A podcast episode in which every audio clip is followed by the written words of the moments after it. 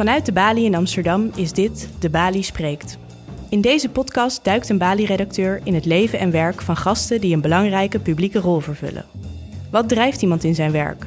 Waar probeert iemand invloed uit te oefenen? En hoe kijkt iemand naar het huidige publieke debat? Vandaag praat Tim Wagemakers met Lieke Marsman, schrijver en dichter.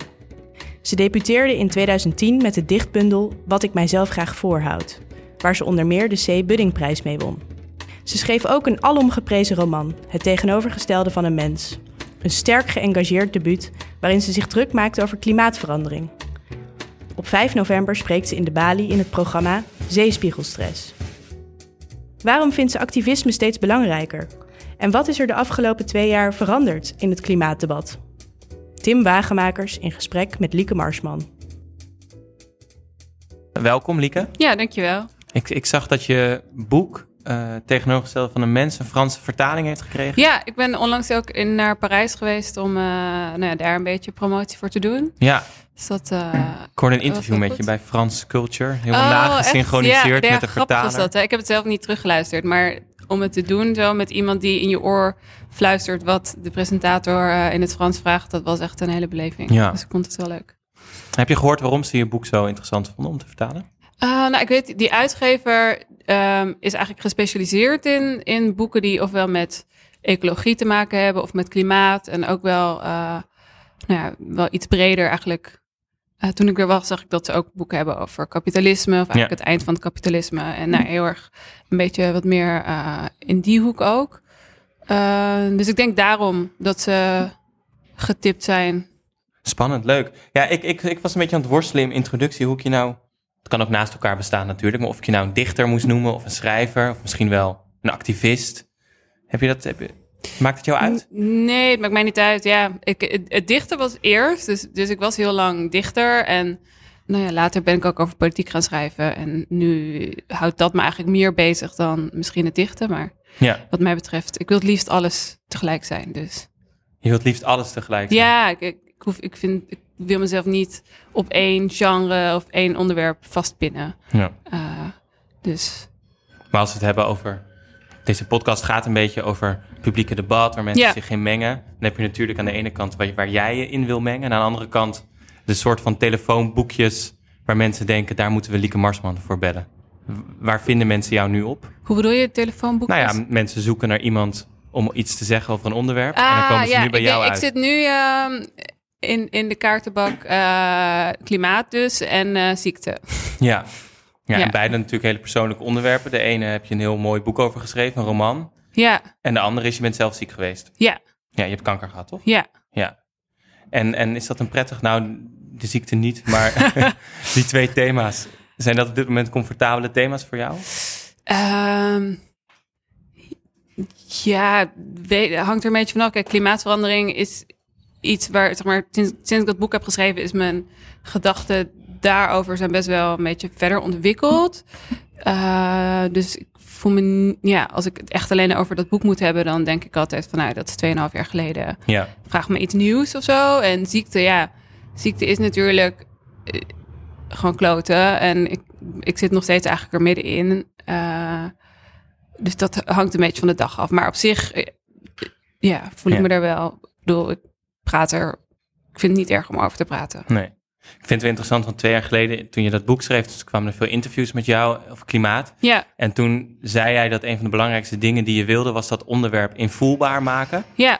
En dat mensen zouden snappen waar het om gaat, dat ze de grootte ook zouden snappen. Heb jij het idee dat dat nu, dat mensen dat beter doorhebben? Is dat gelukt? Misschien niet alleen door jou hoor, maar Ja, ik, ik wil zeggen dat eh, komt niet door mijn boek, denk ik. Maar ik, heb wel het idee dat er echt iets veranderd is. Want toen ik aan het boek begon, nu ruim drie jaar geleden, begon ik eraan. En toen was klimaat al wel een actueel onderwerp, maar niet.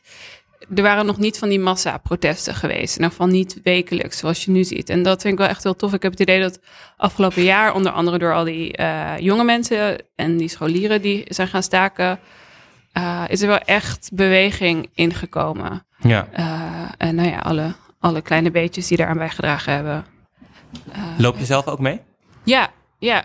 Dus je hebt hier ook met aantal- Extinction, ben je hier ook geweest? Of? Nee, nee, Extinction Rebellion niet, maar wel de klimaatmars en ook afgelopen jaar, je hebt echt verschillende gehad. Ja. Eentje ging vooral specifiek geloof ik tegen olie en tegen fossiele industrie. En nou, je hebt een paar uh, klimaatmarsen gehad Ja. afgelopen En hoe is jouw denken veranderd? Want dat zei je net even. Je zei twee jaar geleden dacht ik er anders over dan nu.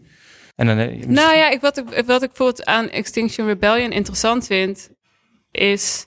eh, ik weet nog een aantal, ik denk twee jaar geleden of zo, was er een... een ik weet niet of zij dat al waren of Code Rood. Die hadden toen bij eh, de Hemwegcentrale, een, gingen ze Ah, dat was code rood, ja. Ja, ja. die gingen de Hemwegcentrale blokkeren. En, eh, eh, en ik weet nog dat ik daarheen ging, maar ik was toen heel erg eigenlijk bang. Een soort van, ik dacht van, oké, ik wil wel een soort van demonstreren, maar echt iets blokkeren, daar, daar wilde ik me eigenlijk verre van houden. Dus er was toen ook, eh, naast die blokkade was er een soort van ondersteunend protest. Nou, daar, daar deed ik dan Een wel... medeplichtig protest. Precies, zeg maar. daar deed Ja. ik dan wel aan mee. Dus dat, maar dat was dan, eh, nou ja, dan breek je niet de wet.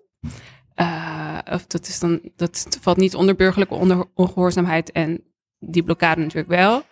En ik merk dat ik de laatste half jaar of zo daar heel erg over na ben gaan denken. En, ik, en gaan denken van oké, misschien zou ik dat nu wel doen. Ja? Of zou ik nu een soort van, ik vind het in elk geval echt, echt heel goed dat het gebeurt. Maar is dat iets in jou of is dat iets wat, dat, wat, wat je dan ziet buiten je, om je heen in die discussie dat je denkt, ik kan niet meer aan de kant blijven? Zeg maar, ben jij dan veranderd als je denkt, ik wil nu wel de Ja, ik wet denk dat- breken? ik denk dat ik eh, daarin een beetje veranderd ben. En grappig genoeg, omdat misschien ook wel juist doordat ik ziek ben geweest, dat ik denk van ja, wat weet je wel, ik heb als persoon minder te verliezen voor mijn gevoel of zo. Ja, Eh, dus dat is enerzijds is dat klimaatdebat verder ontwikkeld en eh, misschien ook wel een beetje wat radicaler aan het worden. En ik merk dat ik dat eigenlijk, zolang er geen geweld gebruikt wordt natuurlijk, eh, Ja.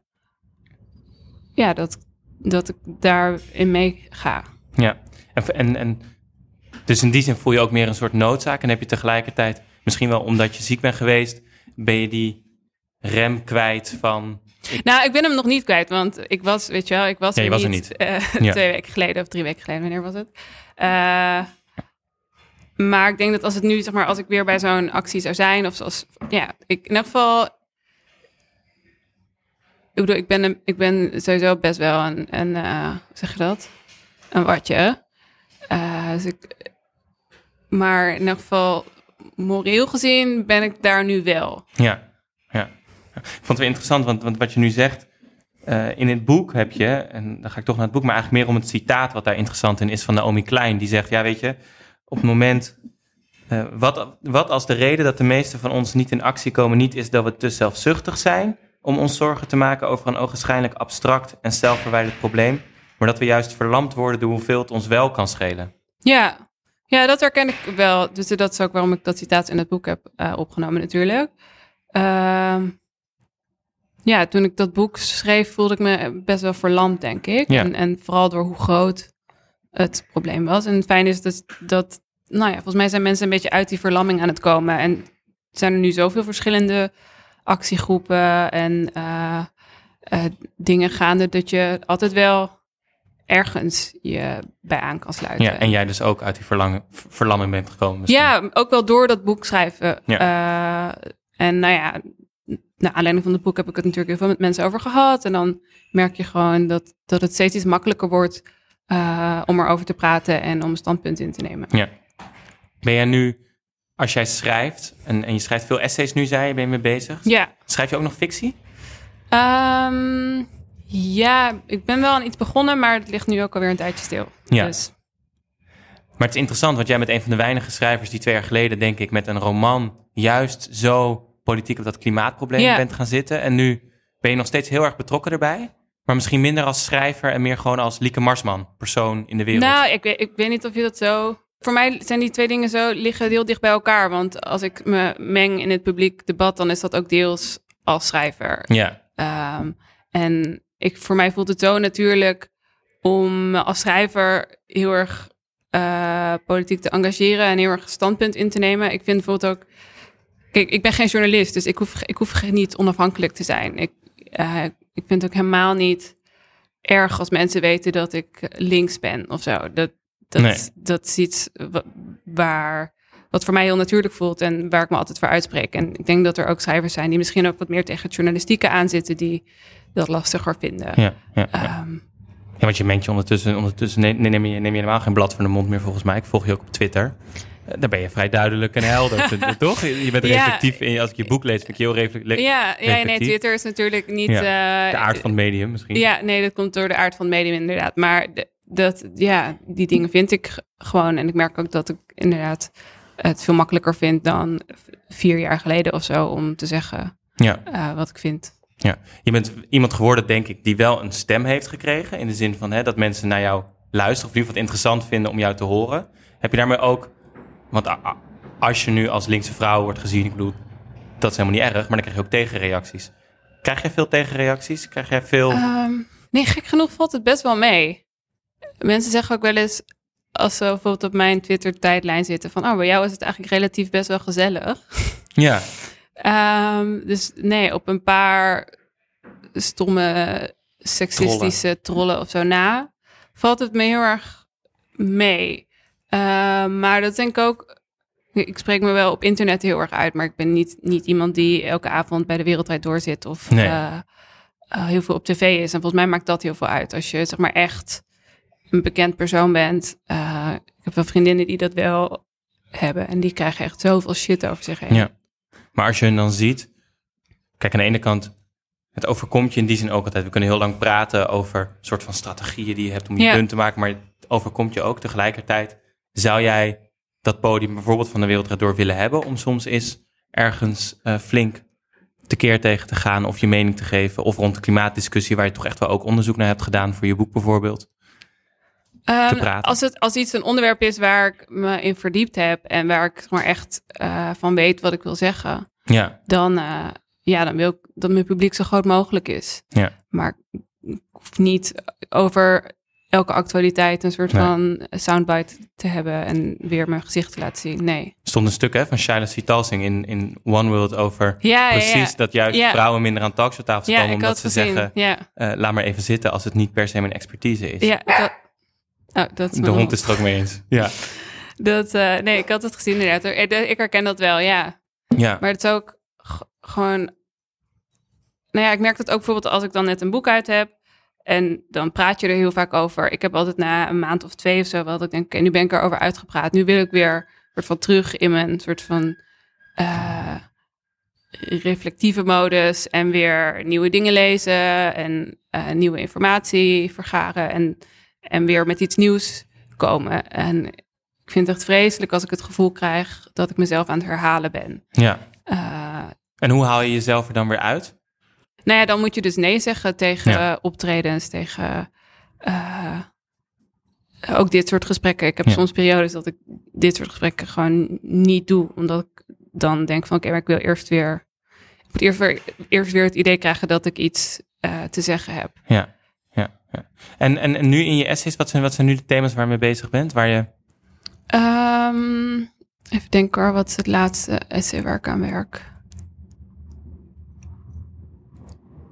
Nou, ik vind het wel interessant om te kijken naar ehm, de taal die in de politiek, in, zeg maar in Den Haag, gebezigd wordt en hoe vreselijk dat vaak is. Dus dat is een onderwerp waar ik een beetje ehm, over aan het schrijven ben. Ik heb net eh, mijn meest recente gedicht, en dat is ook eigenlijk een beetje een essay gedicht, gaat over de dood. Dus dat is dan weer veel meer vanuit persoonlijk eh, perspectief, dat ik daar gewoon heel erg over na aan het denken ben.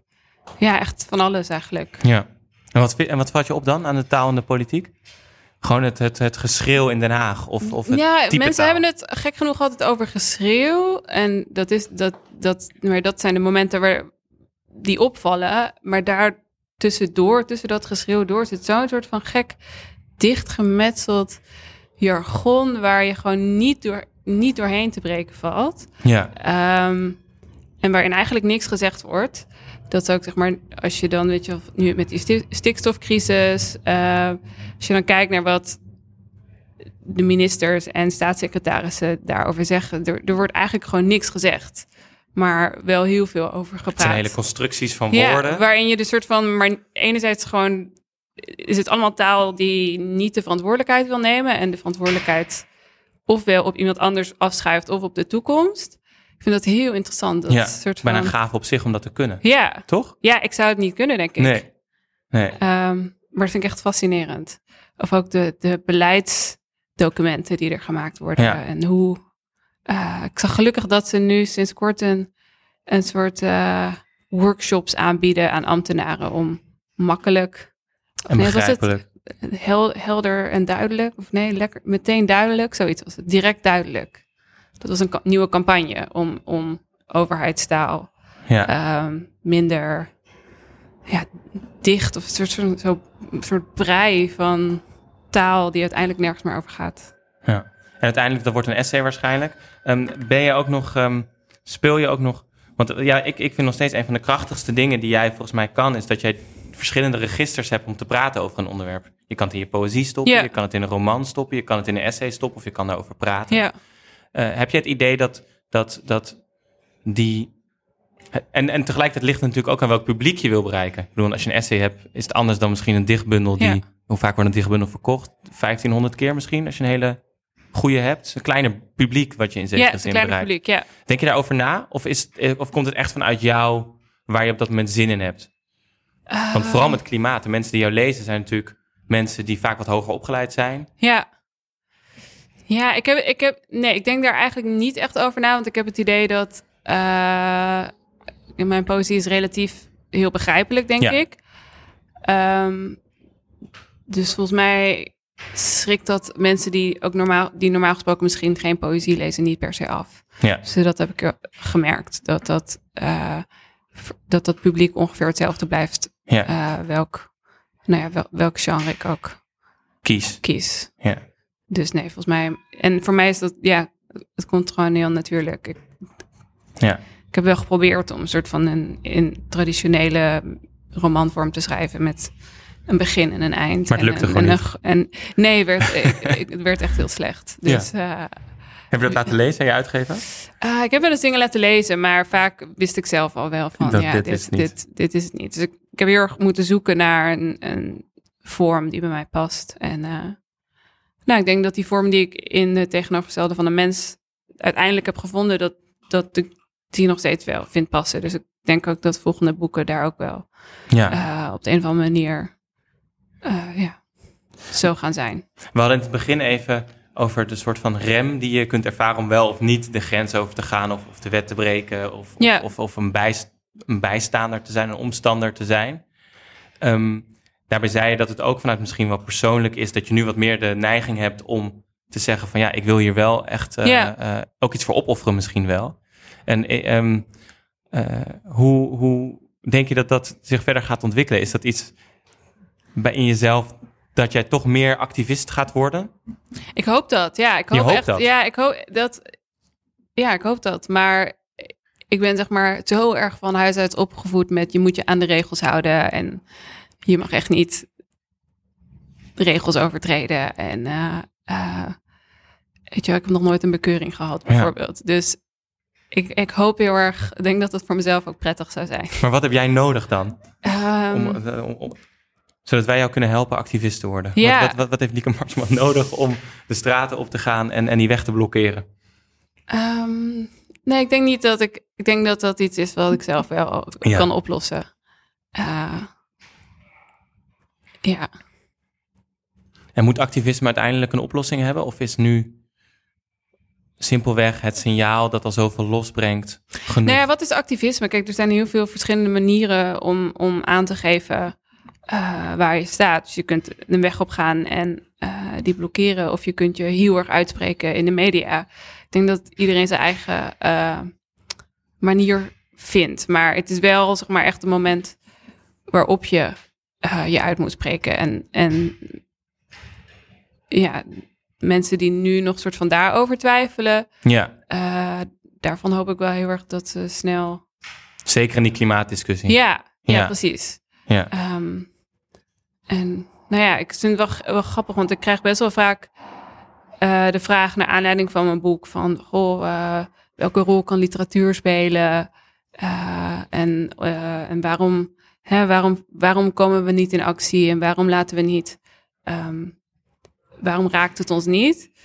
Terwijl ik denk, het raakt ons wel. Ik bedoel, er gaan echt wekelijks duizenden mensen de straat op over de hele wereld. Ja, Als je het afgelopen zomer hebt gezien. Dus wat, wat, wat moet er dan nog meer gebeuren voordat we een soort van consensus bereiken waarin we zeggen, oh ja, mensen geven aan dat het hun iets kan schelen. ja. En, eh, dus dat is volgens mij ook een soort frame. Dus misschien dat je daarin ook wel, juist dat frame, want dat frame is ook talig, zeg maar. Hoe Ja, je precies, praat en wat je precies. zegt.